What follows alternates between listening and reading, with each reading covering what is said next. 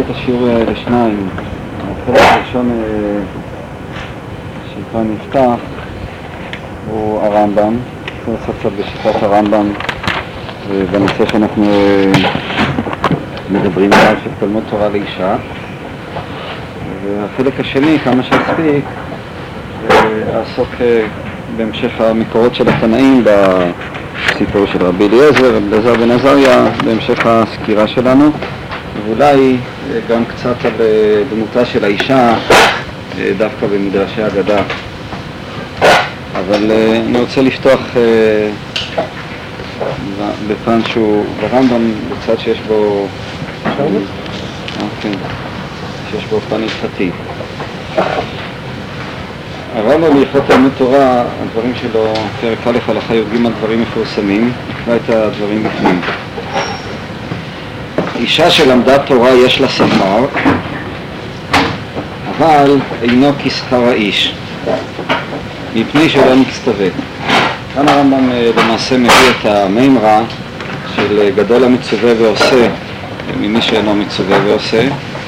הרמב"ם את המימרה הזאת לא מביא אותה בהקשר המקורי שלה, הוא הקשר שהגמרא בקידושין ל"ד אם אני זוכר נכון, שם בסביבות הל"ד, אני חושב שזה קידושין ל"ד, לגבי סומה שם ורב יוסף,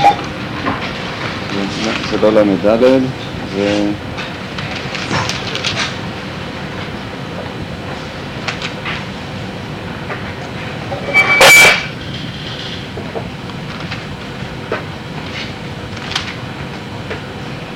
ל"א, בדף ל"א, לא בהקשר של סכומה, הוא מביא את זה בהקשר כאן של תלמוד תורה לאישה. הסיבה שהוא מביא את המימרה הזאת של גדול המצווה בהקשר של אישה היא נובעת מכך שהיא נזכרת גם ביחס לאישה בסוגיה שלנו, אמנם בסוגיה אצלנו ב... בסוטה היא נזכרת רק מקופיה, אגב, כשהגמרא דנה על הזכות שתולה לה לאישה, שואלת הגמרא, זכות דמאי, אילו אם הזכות דתורה אינה מצווה ועושה. אז ודאי שהכוונה של הגמרא אינה מצווה ועושה, כמו שרש"י גם שולח אותנו לדיון בקידוש עם ל"ד, לשאלה אם גדול המצווה ועושה, או גדול שאינו מצווה ועושה. והרמב"ם גם כן פירש את הגמרא בסוטה, את שאלת הגמרא, פירש אותה בהקשר של הדיון של גדול המצווה ועושה. אם כן, אומר הרמב"ם, אישה היא לא מצווה, וממילא גם שכרה נמוך משל האיש. לכל העושה דבר שאינו מצווה עליו לעשותו, אין שכרו כשכר המצווה שעשה, אלא פחות ממנו. ואף על פי שיש לה שכר, ציוו חכמים שלא ילמד אדם את ביתו תורה. אז כאן זה הלכה דרבנן, ציוו חכמים, והוא מביא, חכמים כאן זה רבי אליעזר כמובן. מפני שרוב הנשים אין דעתן מכוונות להתלמד, אלא הן מוציאות דברי תורה לדברי הוואי לפי עניות דעתן. אמרו חכמים, כל המלמד את ביתו תורה כאילו לימדה תפלות. באמת דברים אמורים בתורה שבעל פה, אבל בתורה שבכתב לא ילמד אותה לכתחילה, ואם לימדה אינו כמלמדה תפלות. יוצא פה שבפי דעת הרמב"ם יש כאן אה, אה, דירוג לגבי לימוד תורה של האישה. תורה שבכתב אומר הרמב"ם אז אה, איננה תפלות, כלומר אם הוא מלמד את ביתו תורה שבכתב אז זה לא נחשב כלימוד תפלות, אבל לכתחילה לא ילמד אותה. גם לגבי תורה שבכתב הרמב"ם פוסק שלכתחילה לא, לא ילמד אותה. לעומת זאת, לגבי תורה שבעל פה אומר הרמב"ם, אה, לא רק שלכתחילה לא ילמד, אלא יש כאן אפילו משהו אה, פגום, יש כאן סרח איסור, משום שאם הוא מלמד את התורה שבעל פה אז נמדע תפלוס. זהו המבנה של הרמב"ם. השאלה הראשונה שעולה כאן על הפרק הינה השאלה, המקור של ההבחנה של הרמב"ם בין תורה שבכתב ותורה שבעל פה. אין לזה מקור מפורט. זאת אומרת, זה מסוג הדברים שכנראה הרמב"ם חידש אותם. אנחנו, הנושא כלים מנסים למצוא איזושהי אחיזה במקורות להבחנה הזאת, אבל זה חידוש או הבחנה של הרמב"ם, אי אפשר להתעלם מכך. אומנם ההבחנה הזאת היא כמובן נובעת מתוך עצם הפירוש הרמב"ם נותן לתפלות, כלומר כיוון שהסיבה שבגללה מלמד את ביתו תורה לימדה תפלות, הרי יש מקום להבחין בין תורה שבעל פה, שמחייבת רמה אינטלקטואלית יותר גבוהה, לבין תורה שבכתב, ששם אין צורך ברמה כל כך גבוהה. עד כמה שידוע לי כן, לא מצאתי מישהו לפניו שעשה את ההבחנה הזאת, אין לזה מקור. כפי שאמרתי, נושאי כלים מביאים, נושאי כלים מנסים להביא מקורות, אחד המקורות המפורסמים, יש כאן את הרזה, ביאור הגר"א, אחד המקורות המפורסמים אלו הם המקור שמביא אותו התז ביורדי הרמ"ד, הוא מביא שם את המימה של רב לזר בן עזריה, שנראה אותה בהמשך, של בהקהל, אנשים, נשים וטף, אנשים באים ללמוד, נשים באות לשמוע, והטף כדי ליתן שכר לנביאיהם. אומר התז, נשים באות לשמוע, הכוונה היא, יש כאן בכל זאת איזשהו לימוד, לא ברמה העמוקה שלו, ולכן הוא מפרש, זה קצת, יש במידה מידה מסוימת של דוחק, אבל הוא מפרש שזה המקור. אם אמנם ללמד תורה לנשים זה היה ממש תפלות, אז איך התורה מצווה במצוות הקהל להביא את הנשים לשמוע, שפירושו בכל זאת ללמוד ברמה מסוימת. על כוחנו, אומר אתה, אז מוכח שיש לימוד תורה שלא רק שהוא מותר לנשים, אלא שגם הנשים מצוות עליו. וכיוון שכך, זהו לימוד תורה שבכתב, וכאן מקור ההבחנה או החילוק של הרמב"ם. אלא שהתז עצמו נשאר בשאלה גם על הרמב"ם עצמו. כיוון שאם באמת המקור של הרמב"ם הוא דברי רב אליעזר בן עזריה, אז למה הרמב"ם קובע שלכתחילה לא ילמד את ביתו?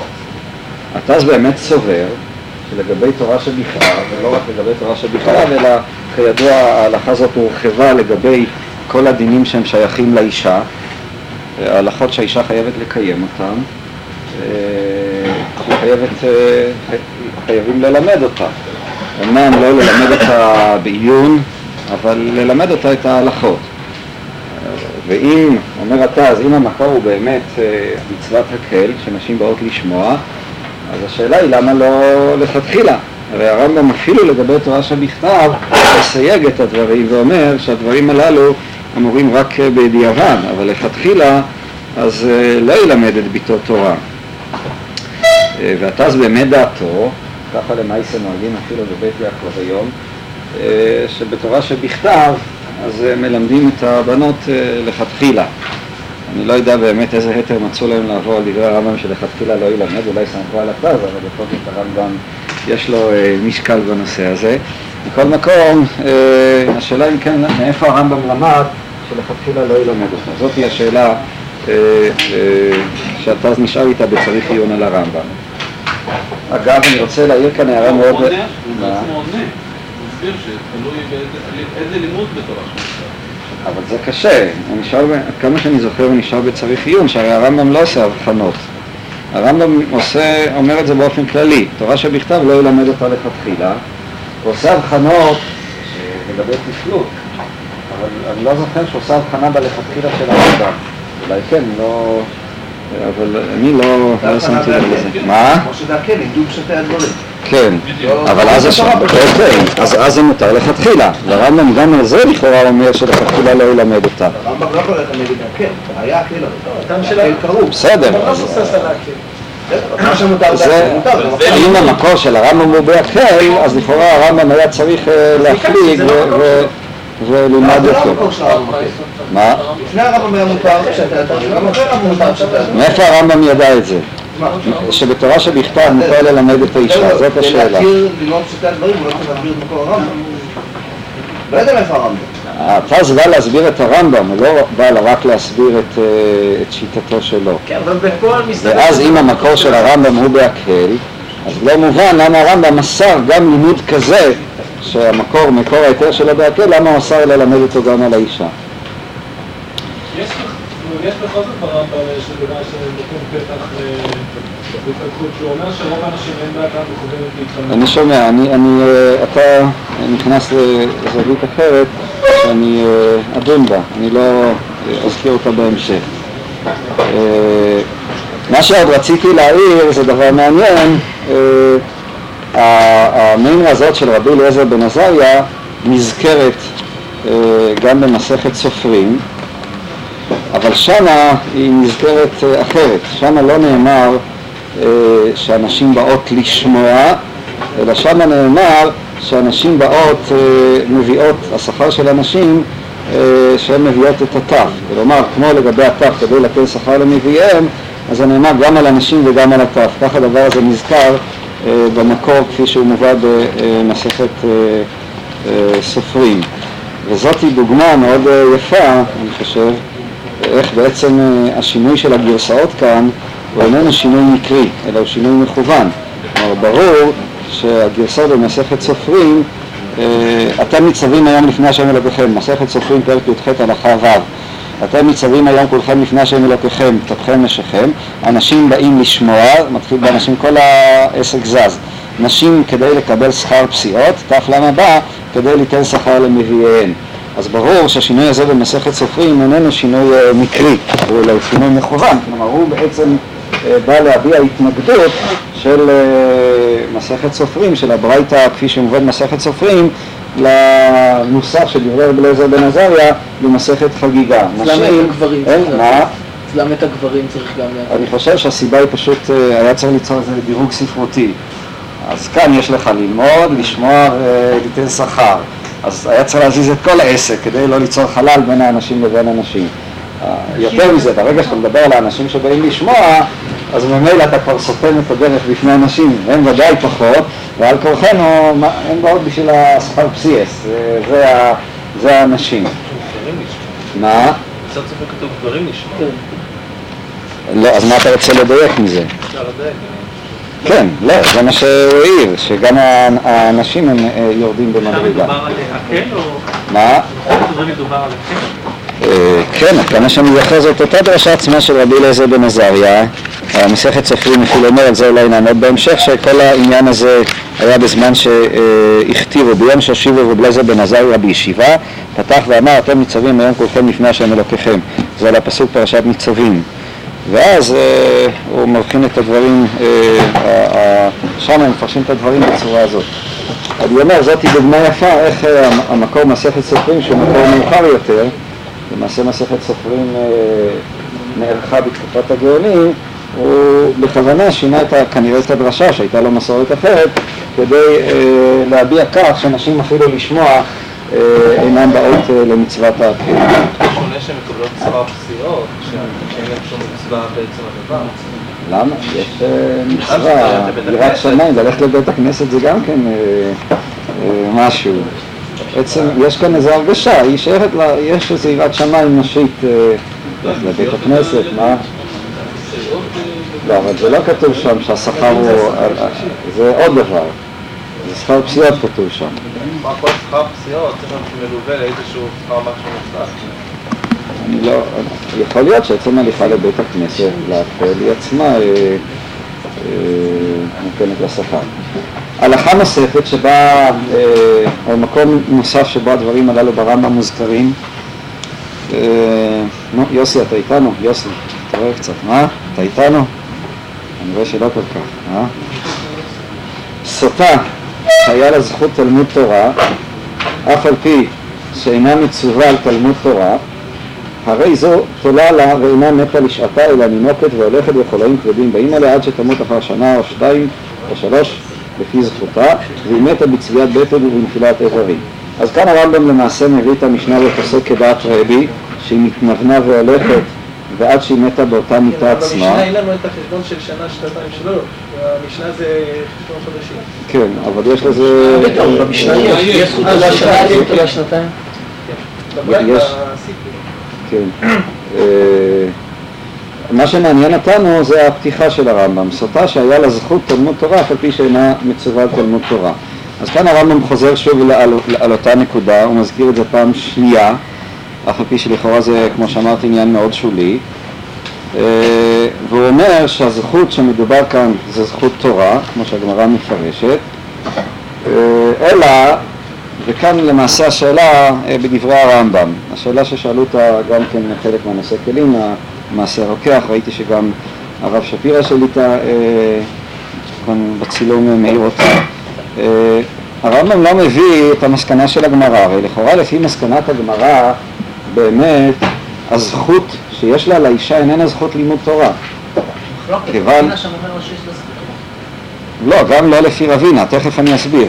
רבי, זאת אומרת, אין, אין, אין, אין לה זכות על לימוד התורה שלה, אלא הזכות שיש לה היא בכך, לפי הגמרא, בכך שהיא אה, מביאה את הילדים אה, לבית המדרש, והיא גם ממתינה אה, בסבלנות עד שהבעל שלה אה, אה, חוזר מבית המדרש, אז היא מקבלת את שכר לימוד התורה של הבעל. זאת אומרת, זכות התורה שיש לה לאישה איננה זכות לימוד התורה של עצמה. היא לכשעצמה, הלימוד שלה לא אה, מניב זכות כזאת שיכולה להגן עליה בפני אה, המים.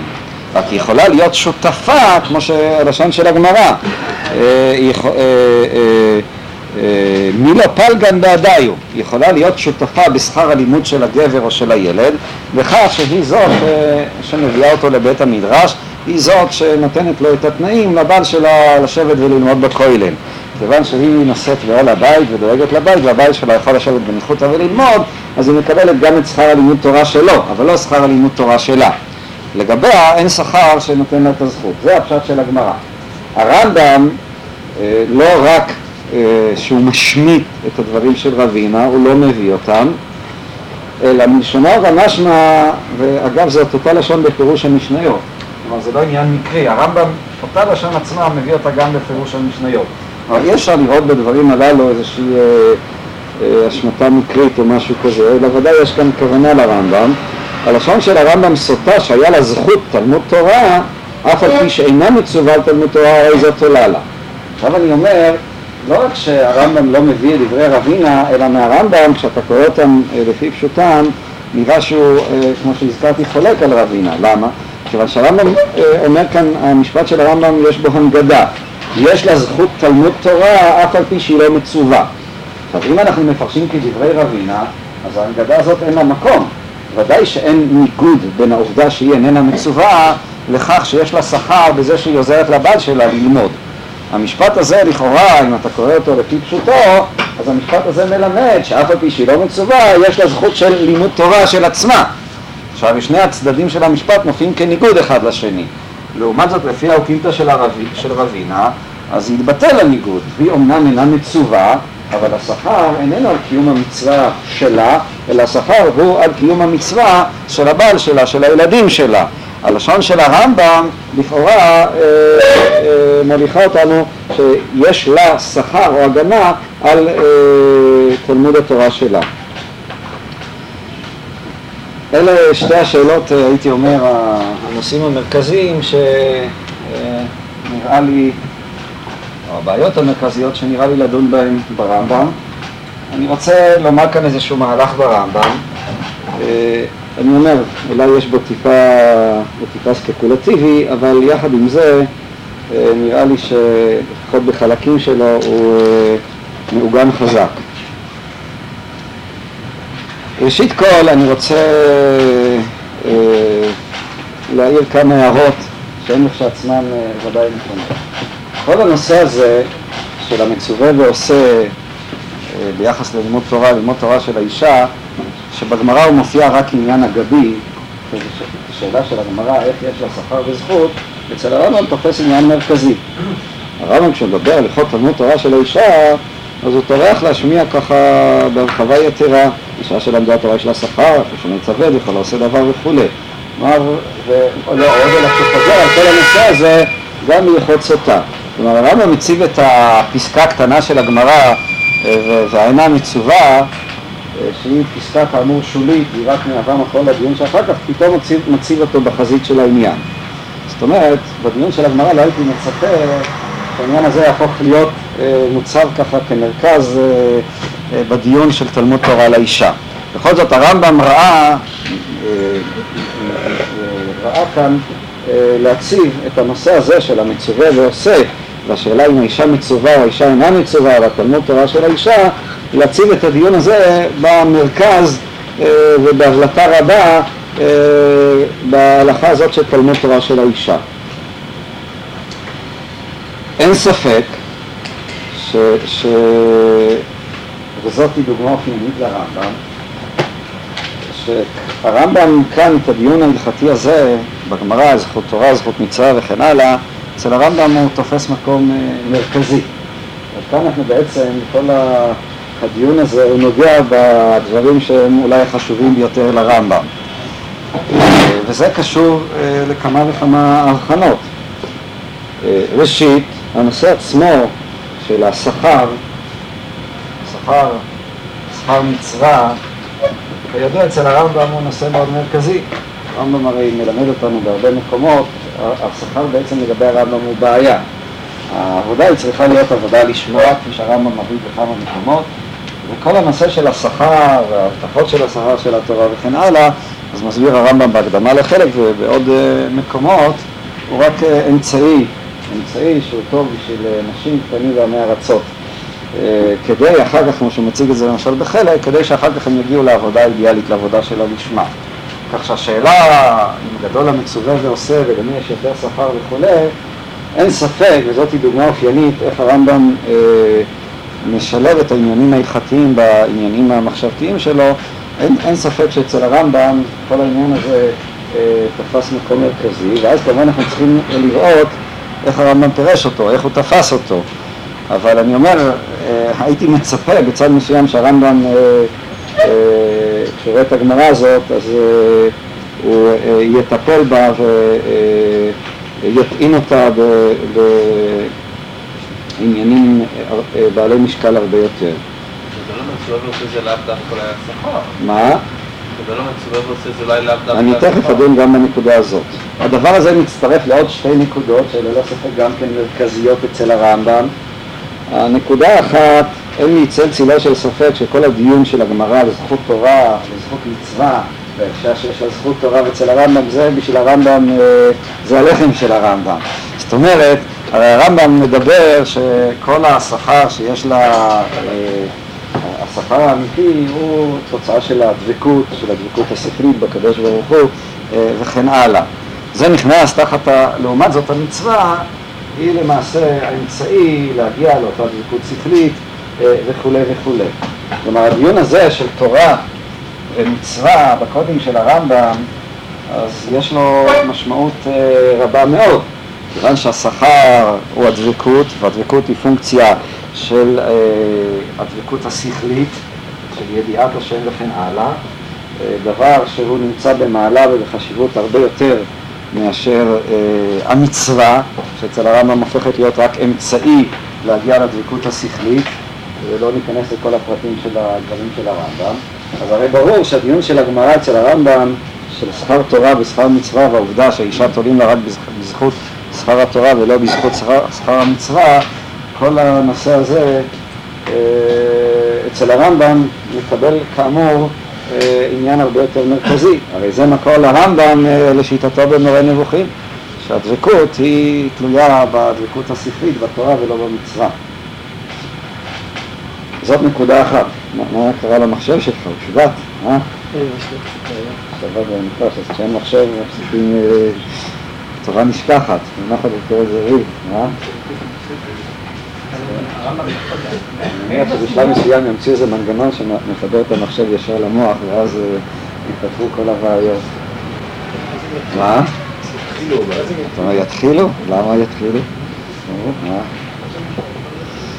אה, עניין נוסף שללא ספק קשור לנושא הזה, הרמב"ם מפרש את כל הנושא, טוב אנחנו נסמוך על חיים, מי שצריך אה, למחשב את הדברים, אה?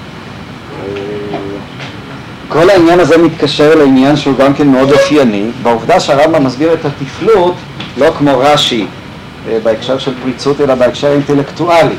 כשהרמב"ם בא ואומר שהאישה יש- היא נחותה מבחינה אינטלקטואלית ולכן אין ללמד אותה תורה, אצל הרמב"ם זה עלבון מאוד רציני ביחס לאישה. שהרי השכל הוא צלם אלוקים של האדם, הוא המרכז, אה, הוא באמצעותו אדם נדבק בקדוש ברוך הוא. עכשיו, כשבאים ואומרים שהאישה, אה, אה, רוב נשים אין דעתן מכוונת להתלמד תורה, זה לא עניין שולי. כל הדבר הזה אצל הרמב"ם גם כן מקבל אה, מתח הרבה יותר מרכזי. כלומר, מה שאני מתכוון לומר, שכל הדיון כאן בפריזמה של הרמב"ם, של שכר מצווה ושכר תורה, והשאלה מהו החיסרון של האישה, והחיסרון של האישה שאין לה אה, אינטלקט מספיק וכולי, כמו שהרמב"ם מזכיר, אה, שהוא מזכיר שם שהשכר הוא בשביל אה, קטנים, נשים ועמי ארצות, בשביל הרמב"ם זה אמירה מלאת בוז, אין אה, בוז גדול ממנה.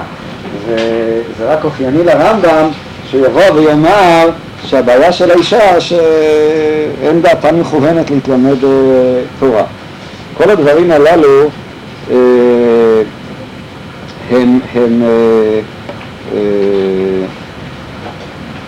באות להצביע, הבאתי את שלושת הנקודות שהעליתי כאן, היינו היחס בין תורה למצווה, הנושא של מצווה ועושה, והשאלה מהו החסרון של האישה, אצל הרמב"ם הם עניינים מרכזיים, הם בעצם הלב של כל עבודת השם, של הדיון של הרמב"ם בעבודת השם. לכן, מבחינה זאת, הדיון כאן מקבל, כמו שאמרתי, מרכזיות אה, מאוד, אה, אה, הייתי אומר, אה, טעונה אצל הרמב"ם. יחד עם זה, ועכשיו אני רוצה להגיע להבחנה נוספת. עד כאן אמרתי דברים שהם בעצם אה, אי אפשר, אה, הם ברורים, זאת אומרת, זה פשוט. השאלה היא מה המשמעות שלהם ואיך נפרש אותם. בבקשה. אמרת שהסוגיה במסכת התורה נקודה טובה להראות איזשהו אה, חיבור או משענת או אסמכתה לשיטתו של הרמב"ם.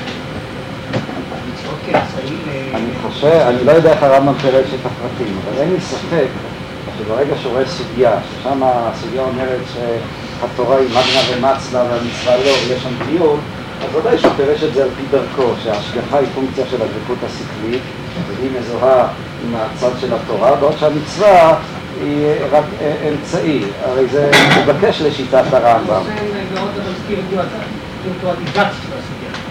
אוקיי, אבל זה דרכו של הרמב"ם.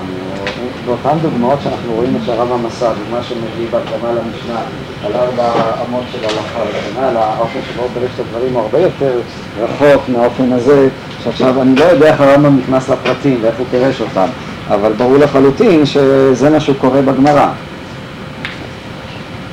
אפשר להגיד שבניגוד לקידושין אה, פרק א', המגמה בסוגיה הזאת היא מעשה שמבין את זה. אה, למה אתה אומר את זה? אם אתה אומר שבניגוד לדעת הרמב"ם שהשלמות השלישית היא לפני השלמות הרביעית, השלמות המוסרית היא אמצעי לשלמות. אז אה, אני את הרמב"ם, התכוונתי ביחס בין. המעשה, בשלמות מוסרית אני מתכוון למעשה. לא יודע אם אנחנו מדברים אה, באותם אה, מונחים. אני התכוונתי ליחס בין הדבקות השכלית לבין המצווה. והרמב"ם אומר שההשגחה היא תוצאה של הדבקות השכלית ולא תוצאה של המצווה, של המעשה. המעשה הוא רק איזשהו אמצעי לדבקות השכלית. מה שנכנס כאן, וכאן אני חוזר להערה של אהרון, אבל תראו איך ההערה של אהרון, שלכאורה נראית איזו הערה שולית ואגבית, בהקשר כזה היא פתאום שוב תופסת איזושהי אה, חשיבות אה, הרבה יותר מרכזית ועקרונית. הרמב"ם טורח לומר לנו, מפני שרוב הנשים אין דעתן מכוונות להתלמד, אה, להתלמד אלא הן מוציאות דברי תורה. אז הרמב"ם מזכיר, הוא לא אומר כללית שנשים אין דעתן, אלא אומר רוב הנשים. ובאמת הפוסקים הסתמכו על זה, הפוסקים בני זמננו, אחת ההבחנות שהן באות להתיר לימוד תורה לנשים, זה להבחין בין רוב נשים למיעוט נשים. זאת אומרת, מה שאומרים אה, פוסקים שונים, שיש הבדל אם אישה באה מעצמה ללכת וללמוד תורה, עצם העובדה הזאת שהיא באה מיוזמתה, היא כבר מראה שהיא איננה שייכת לרוב, אלא היא שייכת למיעוט. וממילא לגביהם לא נאמרו דברי רבי אליעזר שכל המלמד את ביתו תורה מלמדה תפלות. אם תרצו תגידו שהדור שלנו שייך גם כן למיעוט ואיננו שייך לרוב וממילא אה, ההלכה או האיסור של לימוד תפלות לא שייך לגביו. חילוניות ולא ברטוניות. מה? אולי דווקא החילוניות, מה אתה יודע? את האיסור הרמב"ם לא אמר בלשון גבול. את האיסור הוא לא אמר בלשון רוב. זאתי הנקודה שרציתי להבליט. מה שאני רוצה לטעון, שיש כאן הבחנה של רוב, אף על פי שהאיסור נאמר, וכאן באמת ההערה של חזי תורמת לעניין, היא הבחנה גם כן כללית אצל הרמב"ם ואופיינית אצלו. הרי הרמב"ם מבחין בין היחיד לבין הרוב בהרבה דברים. אצל הרמב"ם, הרי אנחנו מכירים את הדברים המפורסמים של הרמב"ם, שהמצוות של התורה הן בעצם שייכות לחברה, הן לא שייכות לפרט.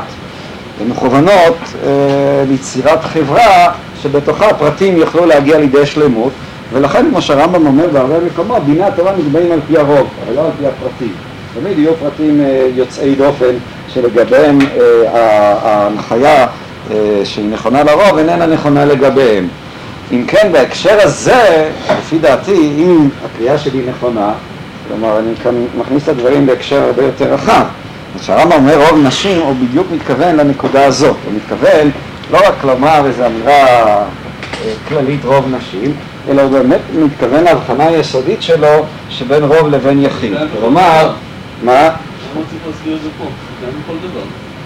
אני, אני מסכים איתך, למה הוא צריך להזכיר את זה כאן? למה כאן פתאום זה נכנס לדיון? התשובה לפי דעתי, וזה בעצם מה שאני כאן, עיקר הוורד שרציתי להגיד, הנקודה, שבאמת הרמב"ם כאן מבחין בין האישה בהקשר החברתי, האישה כחלק מחברה, לבין האישה כפרט, כיחיד. וכשהרמב"ם בא ומדבר על האישה שהיא נחותה מבחינה אינטלקטואלית, ושאסור ללמד אותה תורה, ושכל המלמדה תורה מלמדה תפלות וכולי, כל הדברים הללו אמורים באישה, כ... אם נדבר בלשון מודרנית, כקונסטרוקט חברתי. אבל ברגע שאתה מדבר על האישה כאישיות פרטית, כיחיד, באותו רגע הסיפור הזה הוא נעלם, הוא לא נכון. כלומר, זה שהתורה פסלה את האישה, או חכמים פסלו את האישה מללמוד תורה, נובע באמת מתוך ההקשר החברתי הרחב של הנשים. ואז לגבי ההקשר הזה, לפחות לפי הרמב"ם, אז האישה היא נחותה מבחינה אינטלקטואלית וכולי וכולי. אבל זה לא בא לפגוע באישה כיחידה, ביחיד שבאישה. מתעניין ו- ו- ו- ו- מה? עדיין יהיה אסור לה. עכשיו, עכשיו אני רוצה... אה, אליעזר דווקא עושה בדיוק ההפך, כי אישה חכמה בעלה ודווקא אותה היא דוחה, הוא דוחה. זה לא טוב, זה-. זה, אני מספיק, נדבר גם על הסיפור של רבי אליעזר. אה, אני, רוצה לדבר על הסיפור של, רבי אליעזר. אני חושב שהאישה הזאת אה, לא הייתה כל כך תמימה כמו שזה נראה, אבל אה, זה נשאיר לחלק השני, שזה כבר אה, אה, בדברי אגדה. אה, הדבר הזה, אה, אני חושב שנוכל אה, אה, לפי דעתי, אם, אם, אם הדברים שלי, ההבחנות שלי הן נכונות, אמרתי, אה, לא, לא יכול להוכיח אותה בצורה מלאה, אני חושב שזה מכניס אותנו לרשת יותר, עוד רשת של הקשרים, שהיא גם תוכיח את מה שאנחנו אמרנו עד עכשיו. אה, חלק מהדברים כבר הזכרנו. הרמב"ם אה, בא ומדגיש את העובדה שאישה איננה אה, מצווה. כלומר, אין על האישה מצווה של לימוד תורה. מצווה של לימוד תורה אין על האישה. אה, לעומת זאת, אה, אם האישה רוצה, כך פוסק הרמב"ם להלכה, למשל בהלכות ציצית, בפרק ג' הלכה ט', אומר שם הרמב"ם שהאישה, במידה שהיא רוצה להתעטף בציצית, אז היא יכולה, אין מוחין בידה, כך הלשון של הרמב"ם, אלא ש... ש...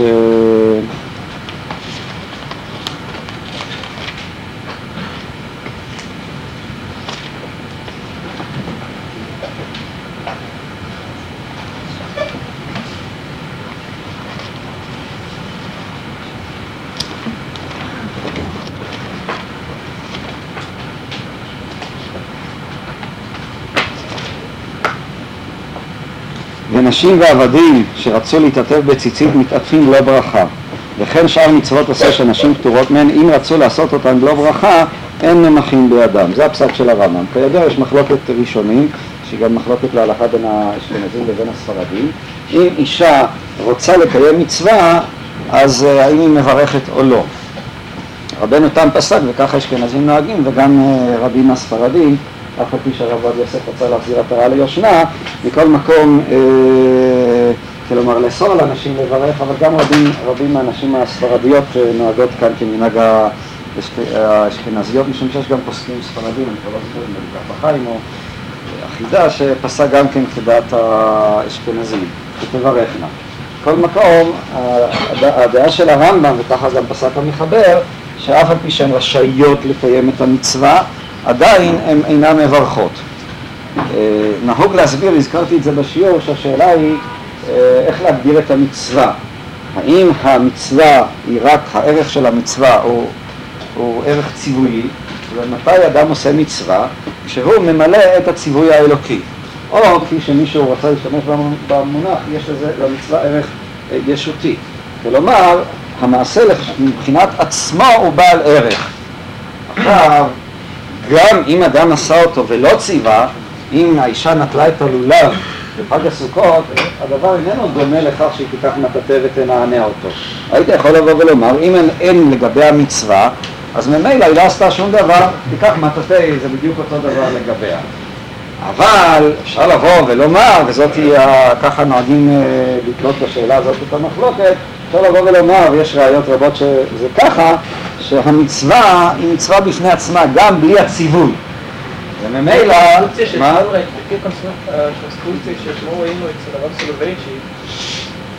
כדי שלא תהיה ברכה לבטלה, צריך את החיוב.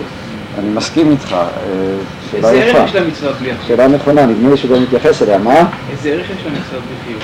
איזה ערך יש למצווה בלי חיוב? התשובה, המצווה היא מעשה שמצד עצמו יש לו ערך אמת. זאת היא האמת לעשות את הדבר הזה. גם אם הקדוש ברוך הוא לא ציווה, עדיין יש לדבר הזה ערך אמת. זה בסתר, כי זה? לא מצווה. יש פה משהו במהות של המצווה, של השם שלה, שהיא מצווה. אי אפשר להגיד על מצווה שהיא משהו אמיתי בלא הציווי שלה, אז זה לא מצווה. למה אי אפשר לומר? זה לא, כי מצווה במהותה, מה זה מצווה? מצווה שבין אדם לחברו, כיבוד הורים. האם מה שנותן את... כמצווה, כי הקדוש ברוך הוא, למה קוראים לזה מצווה? למה לא קוראים לזה סתם איזה מעשה חיובי? קוראים לזה מצווה, כי זה נובע מהכוח הציבורי. אז תקרא לזה בשם אחר, תקרא לזה אה, ערך, תקרא לזה ערך, אוקיי, אבל בכל זאת זה דבר בעל ערך אלוקי, בעל ערך דתי, זאת אומרת זה לא רק ערך אנושי, אלא אני עשיתי כאן משהו שהקדוש ברוך הוא אה, רוצה שהוא יעשה, אף על פי שהוא לא ציווה אותי.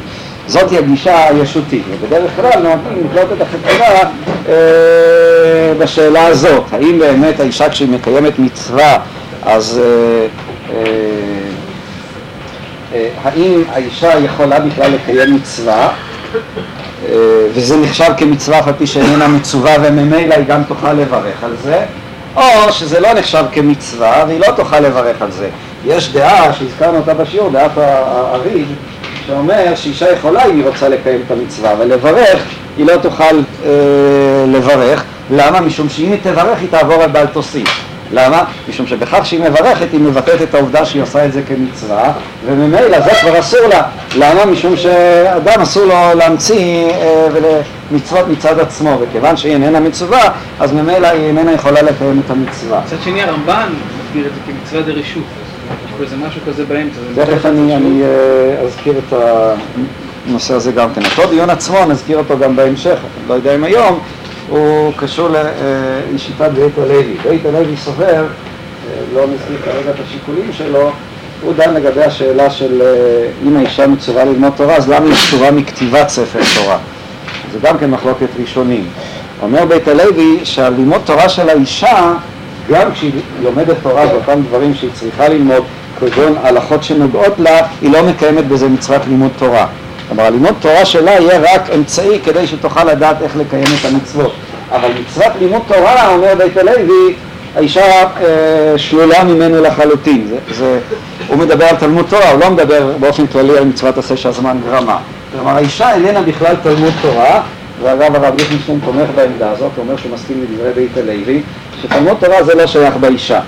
מה ששייך באישה זה ללמוד כדי לעשות. לעצמו גם כן אה, דבר חשוב, אבל מצוות לימוד תורה היא לא תקיים. כך הרב ליכטנשטיין אומר. יש לדבר הזה חשיבות אה, מבחינת התפיסה של הקיום של המצוות של האישה.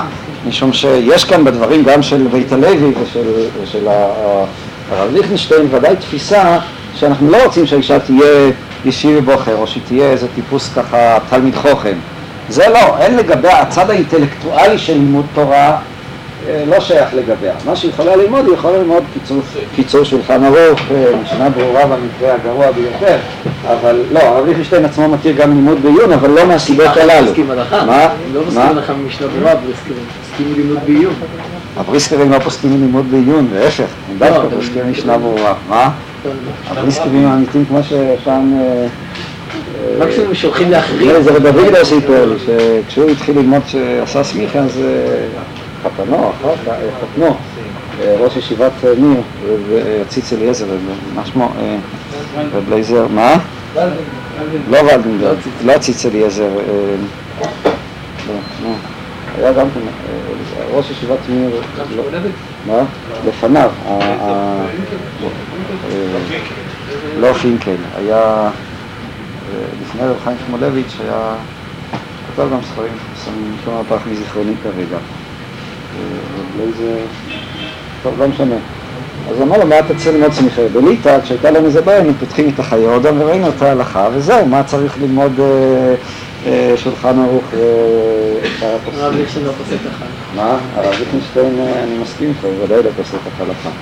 אבל זה מה שהוא טען, טען. מכל מקום, נחזור רגע לנושא שלנו. הדיון הזה הוא גם ביחס לתלמוד תורה, כפי שהזכרתי את בית הלוי שציינתי אותו בגיליון המקורות, וגם ביחס למצוות עשה בכלל. מהי דעת הרמב"ם בנושא הזה? הזכרנו בשיעור שלמעשה הרמב"ם מתיר על האישה אה, לקיים מצווה. לא נראה שמה שהיא מקיימת זה איזה מין ריטואל חסר ערך. אף על פי כן היא לא תברך עליו. למה? הזכרנו וכאן נכנסנו לגורם נוסף, המושג של הרשות. המצווה ביחס לאישה, המקור אה, הוא נמצא, שהוא בעצם המקור הראשוני בכלל ביחס לקיום מצווה בנשים, הוא אותו ספרה שמוזכר גם בגמרא, מובא גם בגמרא בחגיגה, לגבי סמיכה בנשים. יש שם מחלוקת. יש דעה שאומרת שאסור לנשים לקיים אה, מצווה שהן פטורות ממנה. ועל זה אנחנו דנו אה, בשיעור אה, ביום שני לפני שבועיים, איזה מין איסור, מה אכפת לי שהיא תעשה את זה. אבל הדעה החולקת, מחלוקת של רבי יוסי ורבי יהודה לפי דברי הגמרא, שהמצווה היא רשות, רשות לאישה.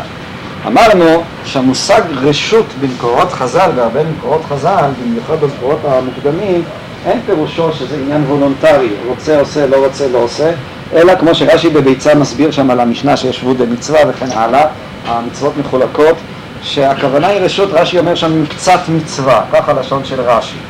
כלומר, יש איזו קטגוריית ביניים אצל חז"ל בין מצווה לדבר שהוא לגמרי לא מצווה, שהוא המוגדר כרשות.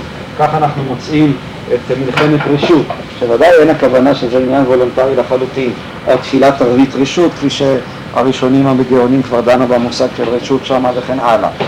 הרשות היא מהווה איזשהו מעמד ביניים, רש"י הגדיר אותו כמצוות מצווה, כמקצת מצווה. מהרמב"ם בפרק י"א בברכות אנחנו מוצאים, הרמב"ם דן שם על מה מברכים ועל מה לא מברכים.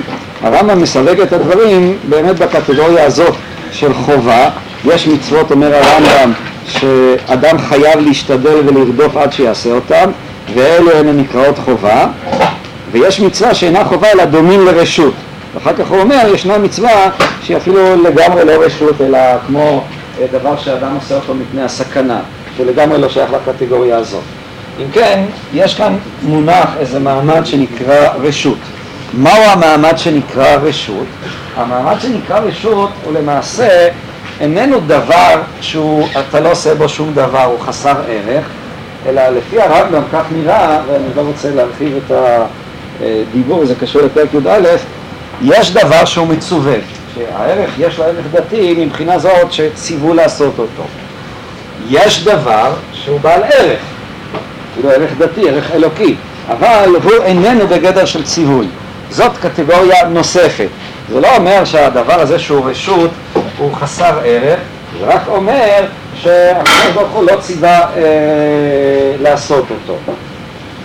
עכשיו, אבל כשאדם עושה אותו, רק שנייה, כשאדם עושה אותו, הוא ודאי עושה כאן עשייה בעלת אה, ערך ובעלת ערך דתי. הרמב"ם שם בפרק י"א אומר שרק מצוות כאלה שהן בגדר של חובה, רק מצוות כאלה מברכים עליהן. אם אנחנו נקשור את החוטאים אחד לשני, כלומר, את העובדה שחז"ל הגדירו את המצווה של האישה כרשות, זה בספרה, את העובדה שהרמב"ם ראשית כל אומר שעל רשות לא מברכים, ו... אה, ואגב, הדבר הזה מתקשר כאן גם להגדרות של הרמב"ם שהוא מדגיש שאישה שלמדה תורה אה, היא לא, היא, לא, היא, היא, היא לא מצווה. ואת העובדה השלישית שהרמב"ם בא ואומר שאישה יכולה לקיים את המצווה ולא מברכת, אבל אני חושב שבכך אה, תבינו רשת הקשרים שהיא מוכחת. כלומר, האישה כשהיא עושה את המצווה היא ודאי עושה כאן מעשה של מצווה, מעשה בעל ערך. היא לא מברכת, משום שלברך מברכים רק על דבר שציוו לעשות אותו. יש כאן למעשה, אה, הייתי אומר שתי קטגוריות, אולי אפילו שתי קטגוריות דתיות. יש קטגוריה אחת שהיא פונקציה של הציווי האלוקי, שהקדוש ברוך הוא מצווה והאדם מציית אותו, זה ערך דתי אחד.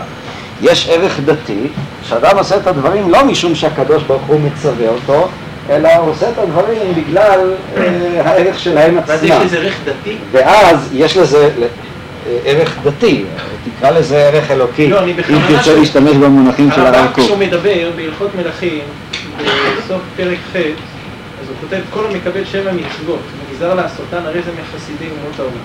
ויש לו חלק לעולם הבא, והוא שיקבל אותן ויעשה אותן מפני שציווה בהן הקדוש ברוך הוא בתורה, והוביאנו על ידי משה רבנו, שבני נוח מקודם נצטוו בהן. אבל אם עשה מפני הכרע הדעת, אין זה גר תושב, ואינו מחסידי אומות העולם, אלא מחכמי. אז כשאומר...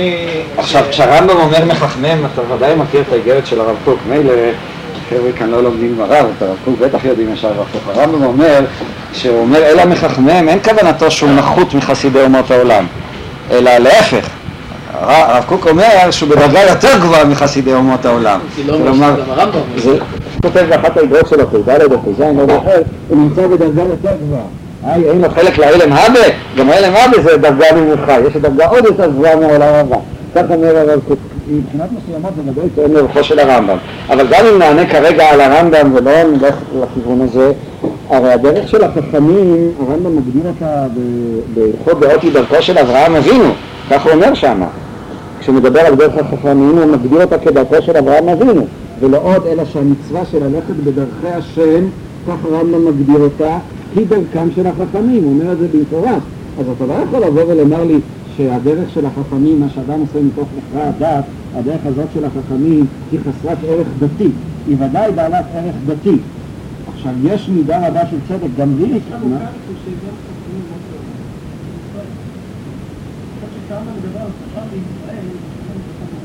אני מסכים איתך שהיהודי הוא לא יכול להישאר רק בחכם, הוא לא יכול לקיים את המצוות רק מתוך דרך החכמים, אף על פי שהוא מצווה גם על הדרך הזה. זאת אומרת, מי שמקיים את המצוות, המצווה של והלכת בדרכיו, שהיא ודאי חלק מהמצוות, היא המצווה ללכת בדרך החכמים. כלומר, אמנם יש לנו דרכו של משה רבנו, אבל עדיין הדרך של אברהם אבינו לא הופקעה, עדיין גם כן אה, נשארה כלולה בתוך המצווה של ההליכה בדרכיו. אם אנחנו נקשר את החוטים הללו, לפי דעתי, אז אנחנו מביאים כאן לדבר אה, מאוד אה, יפה, מאוד מובנה. למעשה, האישה, שהיא מקיימת את המצוות של הרשות, דווקא אה, בעקבות הדברים של יוסי, היא לא יכולה לברך, משום שהברכה היא באמת שייכת להקשר הדתי של המצווה. אבל היא מקיימת כאן ללא ספק דבר בעל ערך, דבר ששייך לדרך החכמים. זה המובן של הרשות ביחס לאישה. אם היא רוצה, היא יכולה לקיים את המצווה, אבל יחד עם זה, אה, היא תקיים את המצווה לא כפנומן של מצווה במובן של דרך החסידים או דרכו של משה רבנו, אלא היא תקיים את המצווה כפנומן של דרך החכמים, של הערך של החכמים, שכאמור זה ערך דתי, זה ערך אלוקי, אולי אפילו גבוה יותר מאשר הערך של המצווה. עכשיו, אלא שהדבר הזה הוא בגדר של רשות, הוא איננו בגדר של, אה, של, אה, של מצווה, ולא עוד אלא של המברכים עליו, משום שהברכה, מה? איפה זה שמה?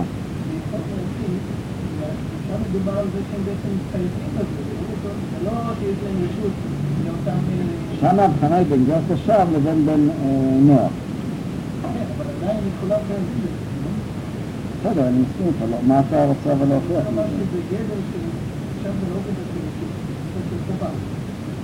כן, אבל יש כאן הבדל אם אדם מקיים את החובה הזאת מתוך מתוך אה, חוכמה, מתוך הערך של הדברים, או שהוא מקיים את הדברים מתוך אה, הציווי האלוקי. עכשיו אני אומר, הברכה היא קשורה לציווי האלוקי. יש כאן בעצם הבחנה בין החכם, נקרא לזה, הוא החסיד או הדתי, איך שלא תקראו לזה. הברכה היא שייכת לתחום הזה, היא איננה שייכת לתחום הזה. אה, וכיוון שהיא איננה שייכת לתחום הזה, אז האישה, לפי דעתי זה מאוד מסמן את הקיום מצווה של האישה. האישה היא רשות, היא שייכת לקיום המצוות הזה, היא לא תברך על המצווה, אבל היא יכולה לעשות אותה אה, כמצווה של רשות, דבר שאולי אפילו נותן לה אה, עדיפות מסוימת. אפשר לפי הרמב"ם, לא יכולה לקיים אה, בפשטות נראה שלא. אה, יכול להיות שהבעיה היא בסגנון, הברכה. אה, יכול להיות, אני לא יודע, רב חיים אומר שהברכת התורה של האישה היא על זה שניתנה התורה, לא על הקיום של המצווה של האישה. אז ממילא אין הכרח לבוא ולומר שהרמב"ם יחלק ביחס לברכת התורה. זה קשור באמת לשאלה אם ברכת התורה היא ברכת המצוות או איננה ברכת המצוות. שלי גם גם אה, על הדבר הזה. אם אנחנו מבינים כך את הדברים, אז ראשית כל אני רוצה להעיר הערה שיכולה לחזק גם את הנקודה הזאת, והיא תיישב את השאלה למה או מאיפה למד הרמב"ם שמלכתחילה לא ילמד אדם ליטול תורה? מאיפה חידש הרמב"ם את הדבר הזה?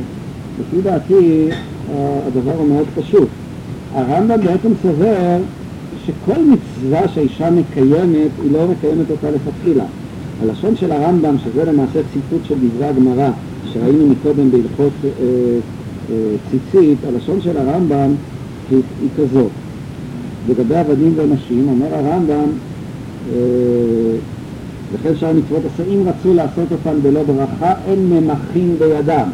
האין ממחים בידם ודאי משקף את העובדה שאינם רשאית, אבל אה, בכל זאת אנחנו לא מרוצים מהעניין הזה, אבל לא ממחים בידם, לא מוחים, זה הלשון של הגמרא.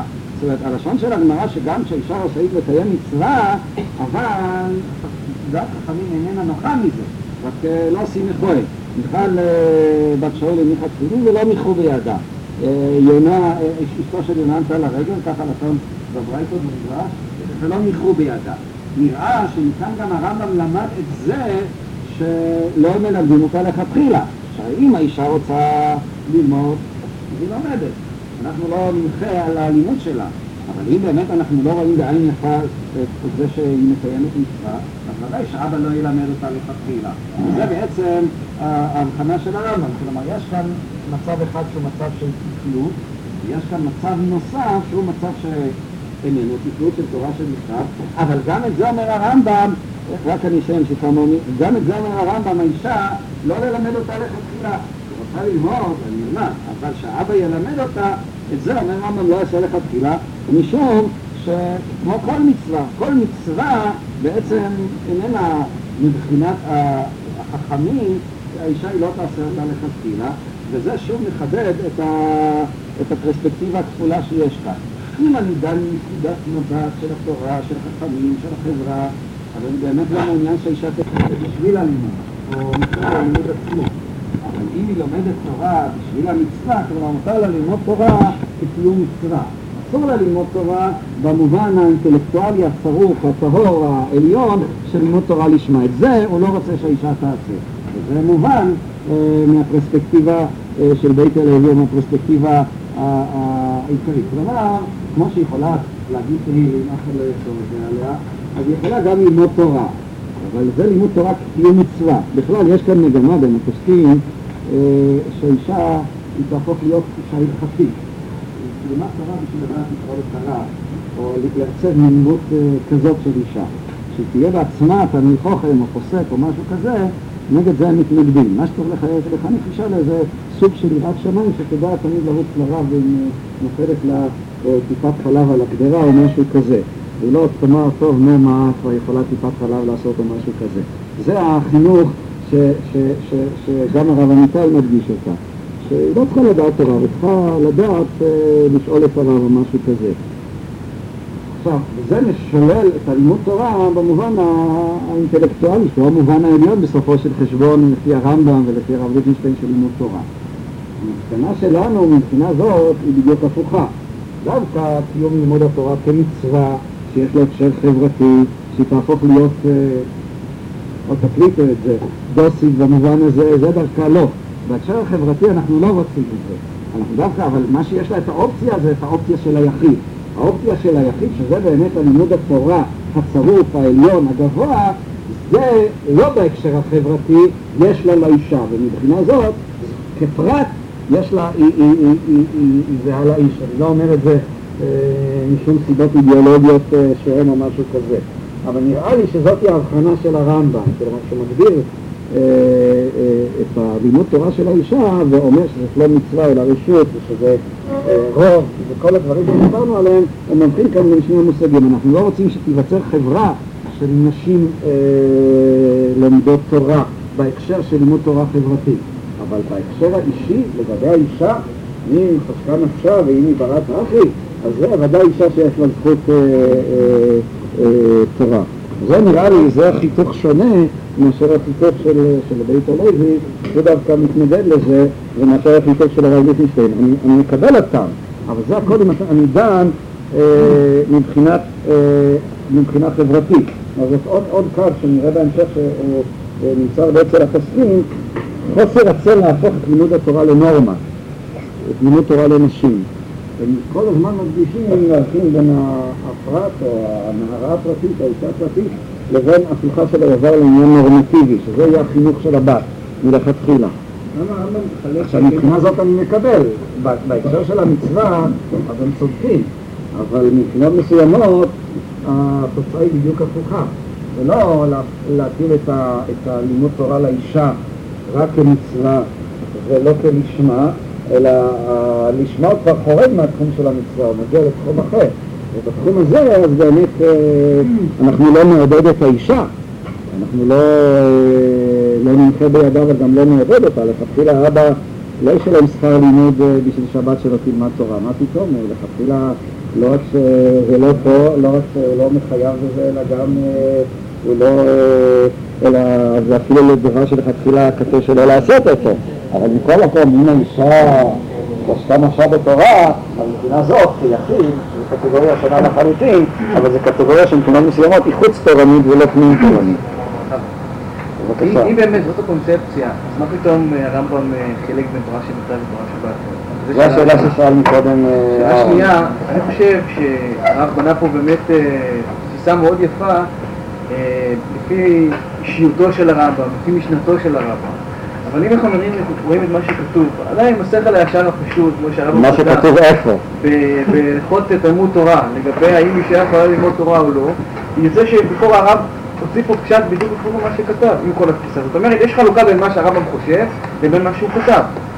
כי על פנינו, אני לא חושב שאפשר לבנות כאלו כלים תמימים של רעיונות, ובאמת, בקונספציה באמת, אני חושב, אה, מבריקה, אבל השאלה אם בקריאה של השכל הישר, בלימוד של השכל הישר, באמת רואים את זה ברמב"ם. זה בלבטי. שכל, לא, זה אותם אלה שהרמב"ם כתב, אני לא יודע אם הבעל הבתי. שכל ישר זה גם בית מדרש, לא רק הבתי. אני מאוד מזדהה עם מה שהרב אומר, אבל קשה לי להגיד שזה מה שכתוב ביד החזקה. אם זה מה שהרמב"ם היה אומר, יכול להיות. נפתח אולי בהערה השנייה שלך. אה, אני שומע, זאת הערה נכונה. אתה אומר שאני ניסיתי לבס- לבסס את הדברים בהקשרים כלליים. אתה בשפה של חשבון, כשאני חוזר להלכה ברמב"ם, אז איכשהו אה, נתלשתי ממנה. אז בואו ננסה לראות אם אתה צודק או לא. יכול להיות, אמרתי, אמרתי בהתחלה שיש איזה פן אולי ספקולטיבי בדברים שלי, אבל אה, אני יכול להסתמך, אה, אני בניתי את הדברים על הקשר רחב יותר. ומתוך זה שלמעשה התאמתי את הביטויים של הרמב"ם במשמעויות הרבה יותר עקרוניות מאשר, כמו שאמרת, שבלבת יקרא את הרמב"ם. אה, אני מסכים איתך. מה? מה אתה אומר? לא, אני אומר, אני חושב שהקריאה לא. אני אומר שנטענתי במשמעויות שבלבת רגיל לא היה מייחס לרמב"ם. אז אה, בוא נראה על מה אני מסתמך והאם אני יכול בכל זאת, אה, ההערה שלך אולי נכונה, אני לא יודע.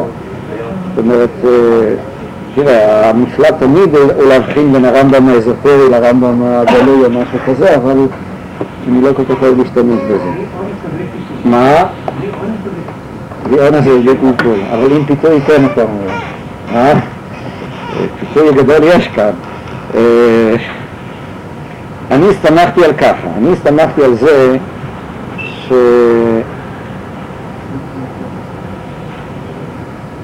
הרמב"ם, א', אמרתי, זה שהרמב"ם מכניס כאן את הנושא של השפה כגורם מרכזי בהקשר של המצווה. זאת אומרת, אישה שלמדה תורה של השפה אבל אינה שכר איש מפני מצווה, וכל דבר שאינו מצווה עליו לעשותו, אין שכרו כשכר המצווה שעשה, אלא אה, פחות ממנו. הטיעון הראשון שהיה, כל הדיון הזה של מצווה וכן הלאה, אה, למה הרמב"ם אה, מציב אותו כאן אה, בחזית של לימוד תורה של האישה?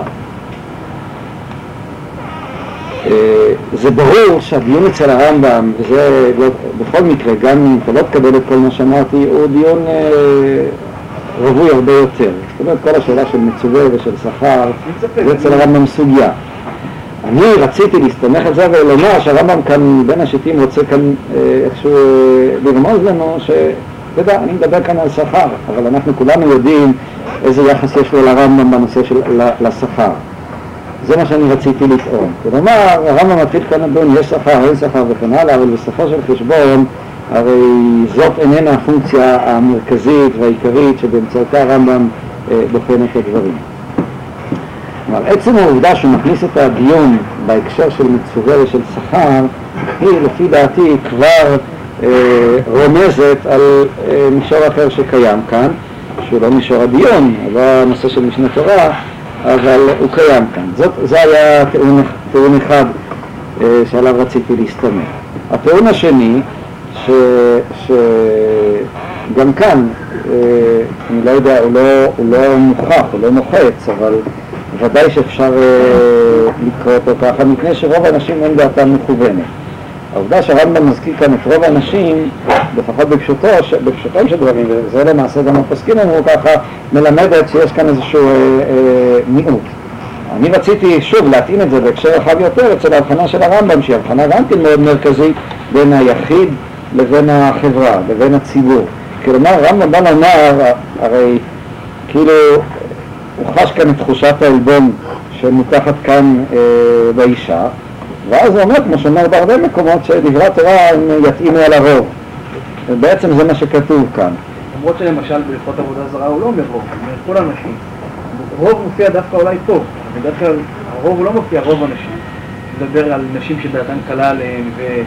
ואותו אחד שחושב כך הוא מה... מהנשים ומהמוני העם. אין פה רוב, איזשהו אה, סביבתי. אני מסכים, אבל אה, צריך היא לראות תמיד את ההקשר. השאלה אבל מה שאתה אומר זה רק מבליט את מה שאני אומר. לא, השאלה מה יקרה למשל, לו הרמב"ם היה... למה, מה היה קורה לרמב"ם אומר? בשנשים אין דעתם מכוונת. למה אומר רוב האנשים? הרי זה ברור שרוב האנשים, לא- זה לא ביטוי מקרי. זה בא לבוא ולומר שיש כאן מיעוט, גם אם לא תתאים את זה במשמעויות שאני אומר. חושב... למה לא כותב מפני שנשים אין דעתן מכוונת, נשים דעתן קלה? זה ברור שזה בא לבוא ולומר שיש מיעוט יוצא אתה דופן. אומר שהרמב"ם בעצם מוטרד עם הנוסח שהוא עצמו כותב. אז בוא נשאל שאלה אחרת, למה, מה דחף את רמב"ם לפסוק כרבי אליעזר? למה לא פסק כמו הדעה המקצועית של רוב החכמים, נגיד במסכת קידושין, שם מסכת קידושין לא כתוב שמה שאסור לה, נשית פתוח.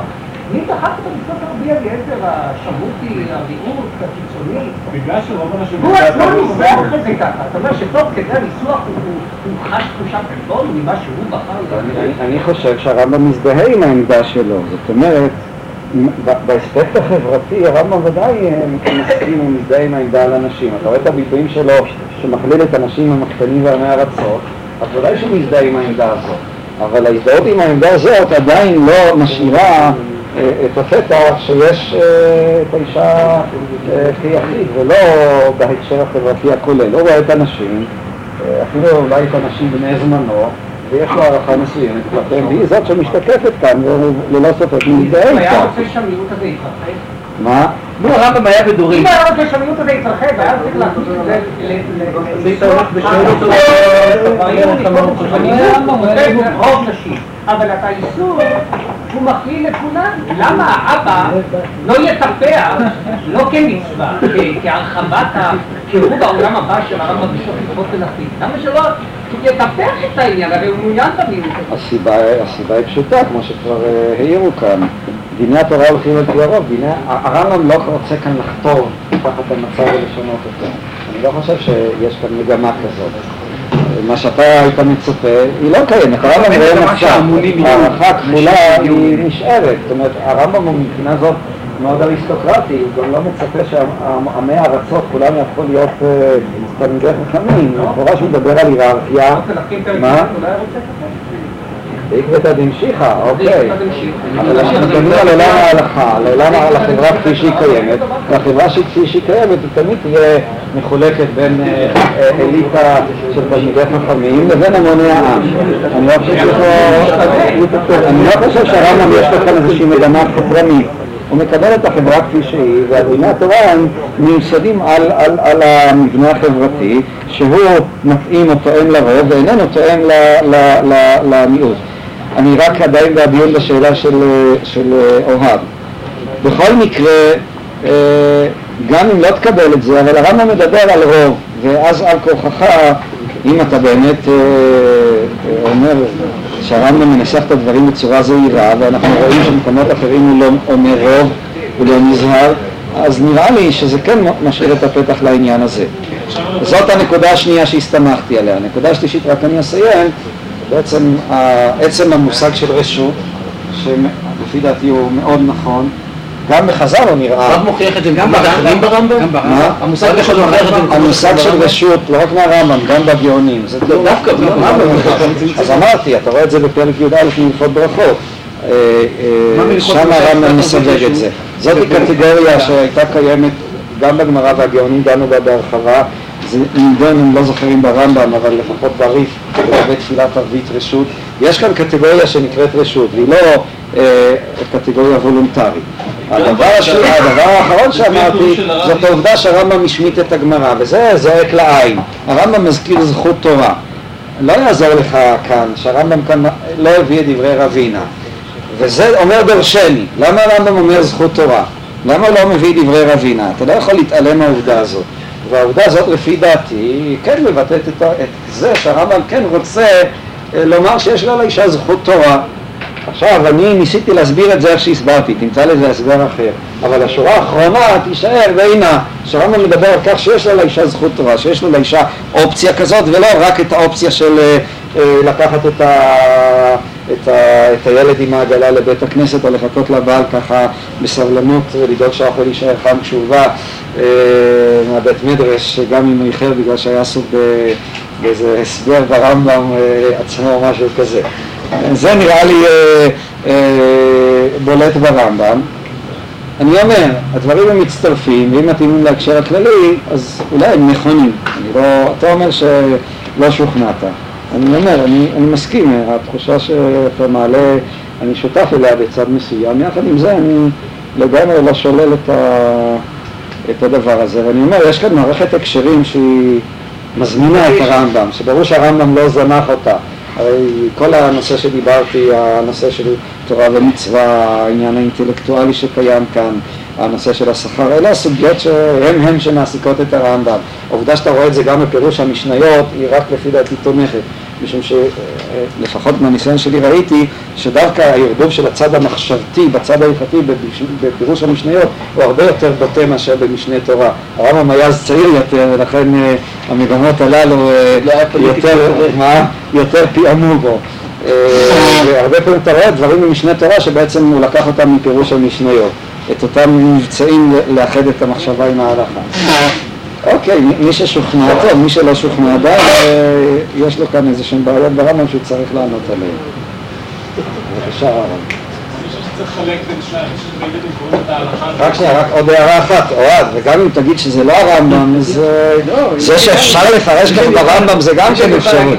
אתה יודע, כשנוידא ביהודה, לא שאני חושב שאני כמו נוידא ביהודה, אבל כשהוא אומר מה ילך ברמב"ם הוא יודע שהוא לא היה אומר את זה כפשט, אבל כיוון שהיה צריך לפסוק הלכה, והיה צריך- והייתה לו מגמה לפסוק, אז הוא אמר מה ילך ברמב"ם. אז אם יש לך מהלך טוב ברמב"ם, ו- אז זאת אפשרות, אז זה עצמו הופך להיות אה, אה, תורה. הרמב"ם? שיביא את הפסקי עכשיו. הנה חינמי, הרמב"ם זה...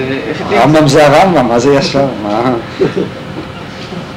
אני חושב שזה באמת לא לא הפשט בזה, כלומר באמת שואלים אותו בדורות, גם לגבי אישה יחידה היום ש- שאין לעשות את זה, אבל רואים שזה כואב לו, כל כלב הוא חוזר הוא פותח את זה שיש לה שכר. ואז גם כשהוא מתחיל בלמה אסור, הוא אומר, הוא לא אומר אה, אבל אה, לא ללמד, הוא אומר אה, חכמים ציוו.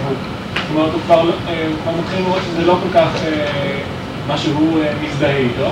ואז הוא מביא את מה שמאלץ אותו להגיד את זה, מפני שרוב הנשים אין דעתם מצווה להתלמד. וזה הנימוק שלו, זאת אומרת, המציאות היום, שרוב, שרוב נשים אין דעתם להתלמד. זאת אומרת שבמפורש היום הוא היה, מסתכל אחר- אחרת, היה רואה רוב אה, נשים דעתן מכוונת להתלמד, אז הוא היה מביא את זה לאידיאל. זאת אומרת, ברור שמבחינה אמיתית מדאורייתא האישה כן צריכה ללמוד ויש לה שכר. אלא מה, ציוו חכמים, לפי שאז התקופה הייתה כזאת שרוב הנשים, הוא כותב את זה במפורש, שרוב הנשים, אבל היום שזה לא ככה, אז הגיוני מאוד שהרמב"ם כן היה סובר שכמו שלכתחילה, מבחינה אמיתית, אישה מקבלת שכר, אז גם היום מתקבל שכר גם על אה, תורה שבעל פה. לא- אה, אני- מה? אני מברך על לא פשט. אני חושב הרמב"ם לוקח דעה אחת, את דעת שמואל בין אין עולם הזה לעולמת ימות המשיח, או דעת הלל אה, אל תעשה כרדו, והופך אותה לחכמים וקורא ציבור, משהו שמזדהה עם דעתו, לוקח דעת רבי אליעזר שהיא דעה יחידה, שהוא אומר יספרו דברי תורה, והוא קורא לה דעת חכמים. זה הופך אותה לדעת רבים. זה כמו לסתום כדעת יחיד. למרות אומר הפוך. נשים, הוא אז הוא אישה לא אומרים הוא לא סתם מביא את זה. למרות שבסוגיה זה מופיע הפוך. רבי. שהוא תופס את דעת יחיד בסוגיה ולא דעת רבים. דעת רבנן מופיע בסוגיה. אני, אני, מה שאתה טוען, אני לא מסכים ל, ל, ל, לכל דבריך, לחלק אני מסכים. אתה, אומר שאתה מרגיש כאן איזו נימה מתנצלת ברמב"ם. אני לא חושב שהביטוי חכמים, למשל, שאתה נשען עליו, זה נכון. כלומר שהרמב"ם כאילו אומר, זה חכמים ואין ברירה, או משהו כזה, זה אני לא מקבל. אבל ההרגשה שיש איזה נימה כאילו מתנצלת מפני שרוב נשים זה כאילו מוכרח, להבחנה הזאת אני מסכים. אבל בנקודה האחרת, שהיא הנקודה ש- ש- שגדעון מעלה- שגדעון מעלה נגדך, אני כן מסכים איתו. אני חושב שהרמב"ם מזדהה עם זה. זאת אומרת, הוא לא אומר, זה היה בימי חז"ל והיום זה אחרת או משהו כזה. בגלל שהיום, בתקופה של הרמב"ם, רוב נשים, אבל כשזה ישתנה, אז גם התקנה של חז"ל תשתנה. אבל כשזה ישתנה זה כבר דיון בפני עצמו, דהיינו השאלה מה היכולת לשנות דברי חז"ל וכן הלאה, אם בכלל הרמב"ם סובר שזה ישתנה, אולי הוא ראה את זה כחלק מהמבנה החברתי שהוא לא ישתנה. התפיסות, לא בטוח שהרמב"ם ראה כאן איזה מבנה חברתי בר שינוי או משהו כזה, הוא חשב שזה טבעו של עולם, וממילא זה יישאר אולי עד ימות המשיח או משהו כזה. אף אחד לא אמר תורה שבכתב ראש בלתר. למרות זה, לדעתי גם הגרסה של הטור יותר מתאימה לקונספציה של הרב. דווקא תורה שבעל פה מותר, תורה שבכתב אסור. כן, אבל הגרסה של הטוב ברור שהיא טעות, זה לא... יש גרסה הוא. אמר אותה. אבל כבר אמרו שזה טעות, זה לא... למרות ששם אומרים זה לא- לא כתב יד. דווקא רבי שלמה פישר אמרנו שהוא פוסק מה? כמו הטור. מה טוב? מותר תורה שבעל פה ואסור תורה שבכתב. אמרנו תורה שבכתב מילא גם לבנים אסור, אז יוצא שאין הבדל. אה, לא, אני אמרתי לך מה דעתי. אם מלמד תורה כמלמד ספרות זה לימוד ישיבתי, אבל אם מלמד, מלמד את התורה מחקר, ממילא זה לא נחשב תורה, בזה אז שום אם גם. בישיבות זה מתחיל מה? להיכנס, אז זה כבר לא... לא ברגע שזה ייכנס לישיבות תהיה כבר בעיה. האם, האם... לגבי הרמב"ם, אה, אפשר להעיר, אחרי זה משהו, אני לא חושב כל, אני לא יודע אם אה, שמנו לב מספיק שיש כאן לא נימוק, שני נימוקים. כל הזמן לזה כאילו נימוק אחד. הרמב"ם מדבר על שני נימוקים. ראוי לשים לב, יש כאן פקודה מוסרית ויש כאן אינטלקטואלית. יוצר דעתם דברי הבית א', ודעתם קודמת לנגד. כבר לא נמצא בטקסט, ואפילו לא נמצא, יש כאן בפירוש שני שני נימוקים. שניהם בעולם החברתי, אבל ככה הרמב"ם הדגיש את זה, ראוי לאמץ. לא לא הבנתי איזה שני נימוקים. למה אתה מחלק את השניים? רוב האנשים אין דעתם מכוונת להתלמד. מוציאות דעתם מדברי הבית. בגלל עניות דעתם מוציאות דעתם מדברי הבית. לא- למה אתה רואה את זה בשני נימוקים? לכאורה אחד הוא סיבה לשני. דברי שטות. אבל זה תוצאה של זה שאין דעתה מכוונת. אבל לא... למה- אתה תופס את זה כשני נימוקים נפרדים? אני חושב זה היה רק הפגם האינטלקטואלי ולא היה את החשש המוסרי, זה לא היה אותו אותה אופציה. אני גם לא יודע אם לדברי הוואי זה חשש מוסרי. נכון שאחד בא בגלל השני.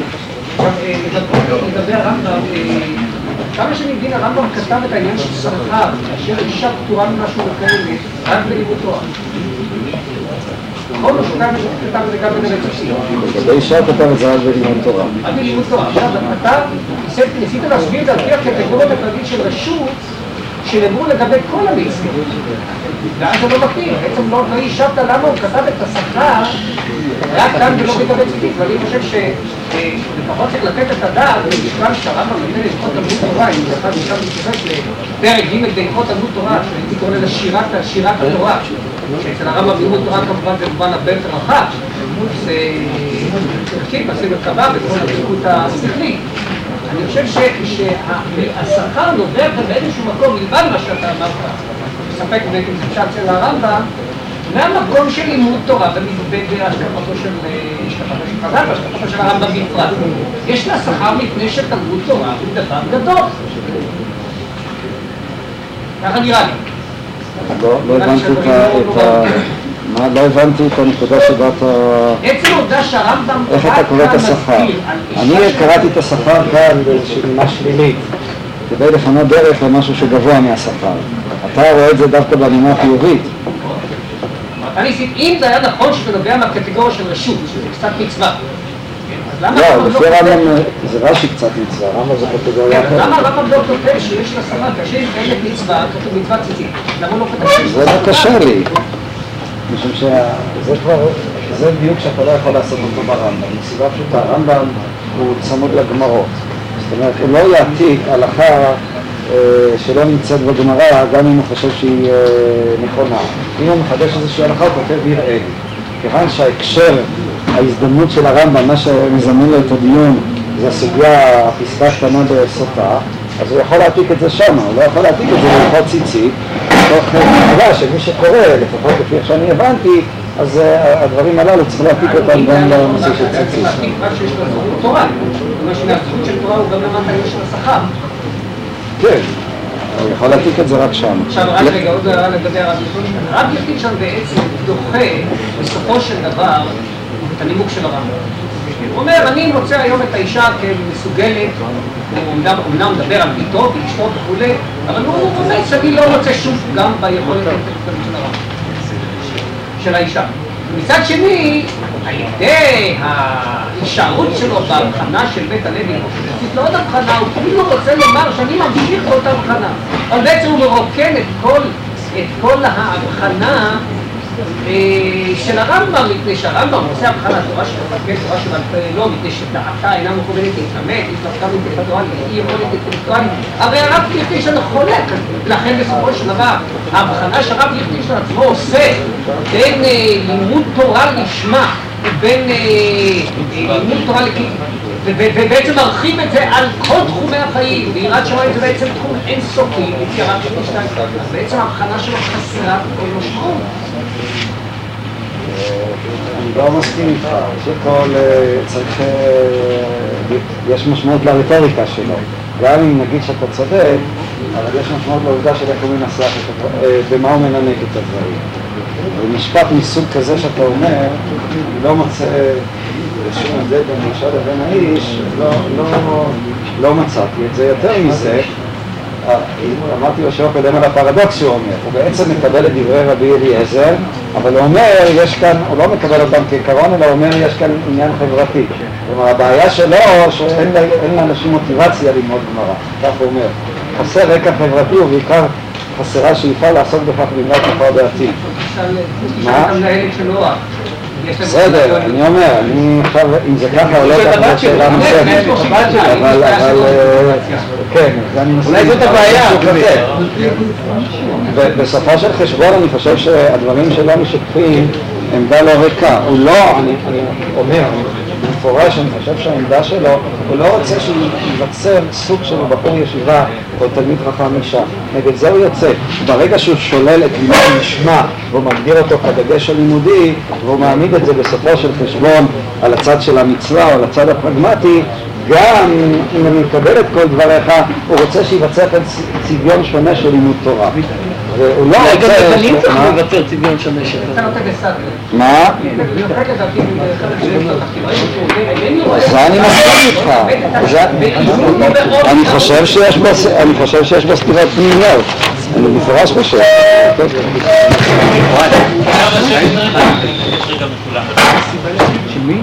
כי יש שיש קידוש.